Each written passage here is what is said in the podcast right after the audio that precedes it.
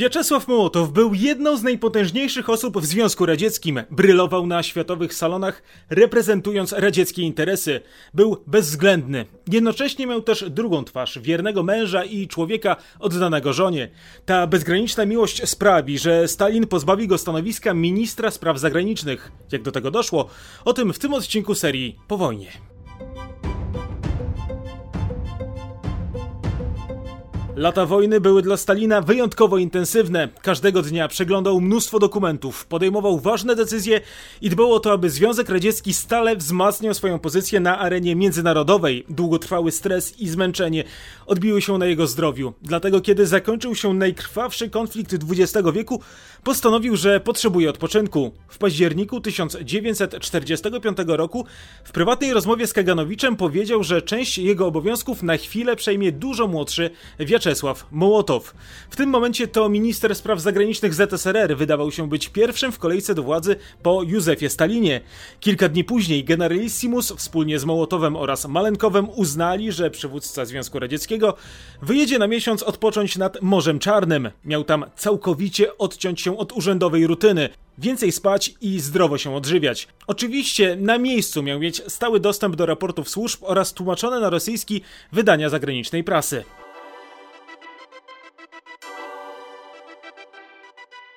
Podczas nieobecności Stalina rządem kierował Mołotow wspólnie z Berią, Mikojanem i Malenkowem. Już 10 października radziecka agencja informacyjna TASS obwieściła, że towarzysz Stalin wyjechał na wakacje. To z kolei doprowadziło do powstania plotek o jego kiepskim stanie zdrowia. Tymczasem przywódca ZSRR bacznie obserwował rozwój sytuacji. Zaczął węszyć spisek w związku z tym, co napisała amerykańska gazeta Chicago Tribune, gdzie pojawił się artykuł, w którym znalazła się informacja o tym, że jeden z najpotężniejszych ludzi na świecie, e, został ze względu na zły stan zdrowia ubezwłasnowolniony. Stalin zaczął zastanawiać się, kto zyskałby na jego odejściu najbardziej. Tu oczywiście na pierwszym planie pojawił się Wiaczesław Mołotow, który pod jego nieobecność otrzymał szeroki zakres uprawnień.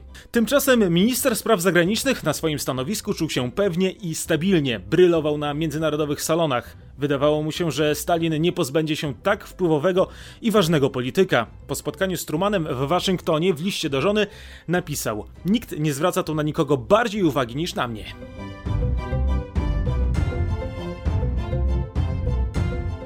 Między Mołotowem a Stalinem od dawna nie było pełnej zgody. Na przykład po wojnie generalissimus dążył do przejęcia wpływów w Libii. Tymczasem jego minister doskonale wiedział, że są to płonne nadzieje, ponieważ Zachód nigdy się na to nie zgodzi. Kiedy Stalin pozostawał na urlopie, Mołotow uznał, że to doskonała okazja na to, aby nieco uniezależnić się od woli przywódcy ZSRR i załagodzić coraz bardziej napięte stosunki z Zachodem. 9 listopada 1945 roku na wyraźne polecenie Mołotowa wprawdzie opublikowane zostało przemówienie Winstona Churchilla, w którym Brytyjczyk pochwalił Stalina jako odpowiedzialnego ojca narodu.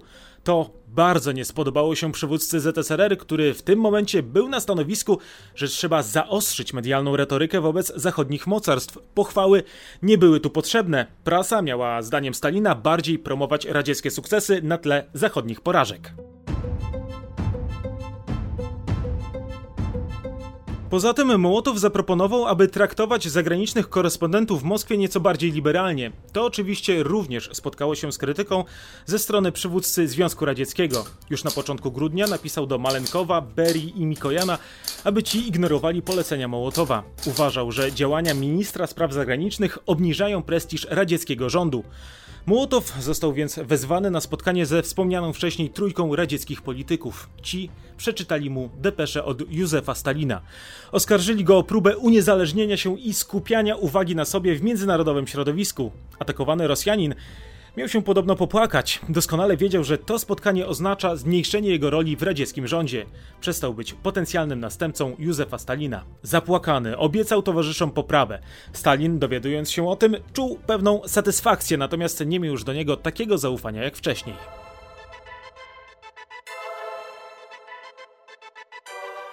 Stalin tracił zaufanie do Mołotowa nie tylko z powodu jego bardziej otwartej wobec Zachodu polityki zagranicznej. Żoną ministra spraw zagranicznych była Polina Siemianowna Rzemczyżyna. Była ona zagorzałą komunistką, która swoją karierę rozpoczęła jeszcze w 1918 roku, zostając oficerem politycznym w Armii Czerwonej. W tym czasie poznała Wiaczesława Mołotowa, wtedy bliskiego współpracownika Lenina. Dwa lata później wzięli ślub. Polina nie była zdecydowanie ulubienicą Józefa Stalina. Przywódca Związku Radzieckiego uważał, że ma ona zły wpływ na Mołotowa. Jej brat prowadził dobrze prosperujący biznes w Stanach Zjednoczonych. Była Żydówką. Już w latach dwudziestych Stalin zalecał Mołotowowi rozwód. Wiaczesław pozostał jednak nieugięty. Już w 1939 roku podczas tajnego posiedzenia biura politycznego poruszony został wątek rzekomych kontaktów Poliny z zachodnimi szpiegami. Na to brakowało jednak dowodów, co doprowadziło do tego, że została ona oczyszczona z zarzutów. Jednak od tego momentu żona Mołotowa utraciła swoją pozycję w partii. Już w lutym 1941 roku została skreślona z listy kandydatów do Komitetu Centralnego. W czasie wojny aktywnie wspierała Żydowski Komitet Antyfaszystowski. Organizacja powstała w ZSRR, aby wpłynąć na międzynarodową opinię publiczną. Komitet miał być jednym z elementów propagandowej walki Związku Radzieckiego z nazistowskimi Niemcami. Jego przewodniczącym został Solomon Michoels, popularny aktor i dyrektor Moskiewskiego Teatru Żydowskiego. Organizacja przekonywała, że ZSRR to kraj, w którym nie ma antysemityzmu. Dzięki aktywności jej działaczy w Stanach Zjednoczonych udało się zebrać ponad 16 milionów dolarów z przeznaczeniem na radzieckie wojsko. Żydowski Komitet Antyfaszystowski potrzebny był Stalinowi tylko w czasie wojny. Po jej zakończeniu jego działania związane ze zbieraniem dokumentacji na temat Holokaustu przestały być dobrze postrzegane na Kremlu. W radzieckiej retoryce mordowani przez hitlerowców byli nie tylko Żydzi, lecz przede wszystkim obywatele radzieccy. Eksponowanie Żydów jako ofiar nazistów było sprzeczne z retoryką powojennej propagandy w ZSRR. Poza tym przedstawiciele Żydowskiego Komitetu Antyfaszystowskiego posiadali liczne kontakty w Stanach Zjednoczonych, co też nie podobało się przywódcy Związku Radzieckiego. Dlatego wobec nich pojawiały się oskarżenia o zdradę i szpiegostwo.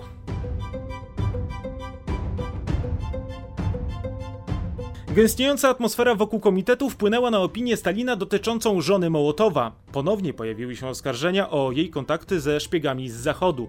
Tym bardziej, że Polina lubiła podróżować za granicę. Często odwiedzała m.in. Karlowe Wary.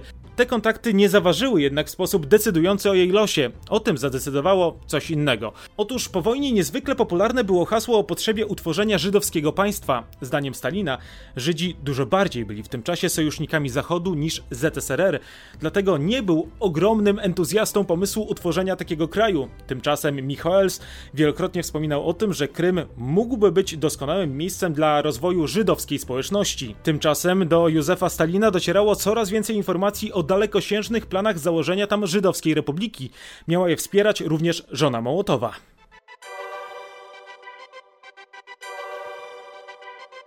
Na pierwszy ogień poszedł jednak Michoels. Aby znaleźć kompromitujące dowody na jego współpracę z Zachodem, do więzień trafiali jego przyjaciele. Tam oprócz wielogodzinnych przesłuchań czekały ich tortury. W 1948 roku Komitet Nagrody Stalinowskiej zaprosił Michoelsa do Mińska, aby zagrał tam kilka swoich spektakli. Żydowski działacz nie wiedział, że jedzie tam z podpisanym przez Stalina wyrokiem śmierci. 12 stycznia razem z przyjacielem Władimirem Gołubowem, krytykiem teatralnym i jednocześnie agentem bezpieczeństwa publicznego, przez cały dzień spotykał się z aktorami. O 20 panowie mieli się spotkać w hotelu z przyjacielem Gołubowa. Na miejscu Michaelsa prawdopodobnie próbowano otruć. Ten, kiedy zorientował się w sytuacji, próbował uciekać, ale jego oprawcy nie mogli nie spełnić woli Stalina. Uciekinier został najpierw ogłuszony tępym narzędziem, a potem zastrzelony. Dla pozbycia się świadków zamordowany został również Gołubow. Ich ciała zostały wywiezione za miasto i pozostawione w śniegu. Oficjalnie żydowski aktor zginął w wypadku samochodowym. Żona Mołotowa nie wierzyła w nieszczęśliwy wypadek. Doskonale wiedziała, że to ona będzie następną ofiarą. Tymczasem w maju 1948 roku proklamowane zostało państwo Izrael. Ambasadorem nowego kraju w ZSRR została Golda Meir. Żydówka szybko zaprzyjaźniła się z panią Mołotow. Tym bardziej, że docierało do niej coraz więcej informacji o szykanach ze strony radzieckich władz wobec radzieckiej społeczności żydowskiej. Wiele osób prosiło ją o pomoc w wyjeździe do Izraela. Kiedy z okazji żydowskiego Nowego Roku Golda Angela Meyer wizytowała moskiewską synagogę, w środku czekały na nią setki osób. Stalina niepokoiły te radziecko-żydowskie kontakty. Zaczął nazywać Żydów piątą kolumną, która działa na rzecz Stanów Zjednoczonych. Pojawiały się dowody wymuszane torturami o planach na żydowski Krym. 20 listopada 1948 roku biuro polityczne zlikwidowało Komitet Żydowski. W ZSRR rozpoczął się czas antysemickiego terroru. Kierował nim na zlecenie Stalina m.in. Malenkow. Za kraty zaczęli trafiać żydowscy pisarze i naukowcy.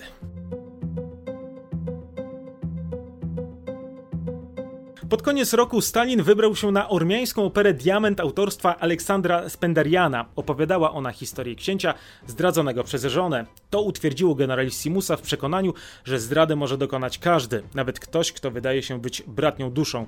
Niemal od razu pomyślał o żonie Mołotowa. Stalin postanowił natychmiast spotkać się ze swoim ministrem. Miał jedno żądanie. Mołotow miał rozwieść się ze swoją żoną tak szybko, jak to tylko możliwe. Minister zgodził się niemal natychmiast.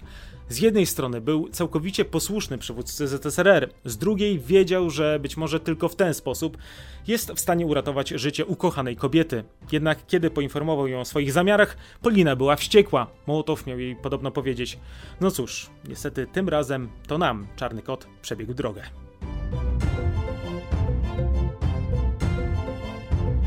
Polina została aresztowana za zdradę już w styczniu 1949 roku. Razem z nią za kratki trafiły też jej siostry, lekarz oraz osobista sekretarka. Kilka dni wcześniej, podczas zebrania biura politycznego, Stalin odczytał niekiedy absurdalne oskarżenia wobec Poliny. Pojawiały się w nich wzmianki m.in. o romansach i uprawianiu seksu grupowego. Obecny na spotkaniu Mołotow nie odezwał się nawet słowem.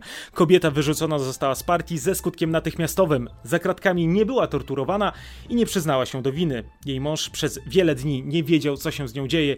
Jedynie Beria w prywatnych rozmowach zapewniał go, że Polina żyje. Stalin był łaskawy. Uległość Mołotowa opłaciła się. Kobieta została skazana na 5 lat łagru.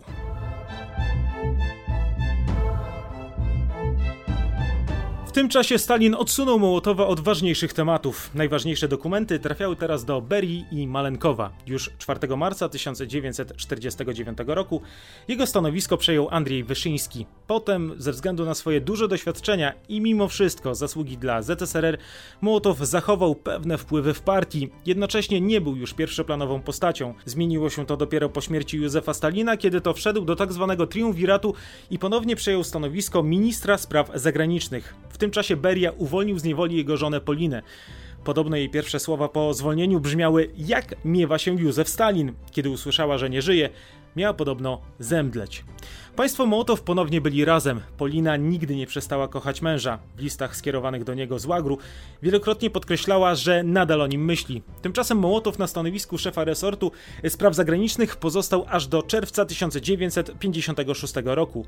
Potem, na wskutek kolejnych przetasowań na szczytach władzy i udziale w próbie obalenia Chruszczowa, został usunięty z Komitetu Centralnego i wysłany na stanowisko ambasadora ZSRR w Mongolii. W 1961 roku Chruszczow usunął go z partii. Mołotow wrócił do niej dopiero pod koniec swojego życia w 1984 roku.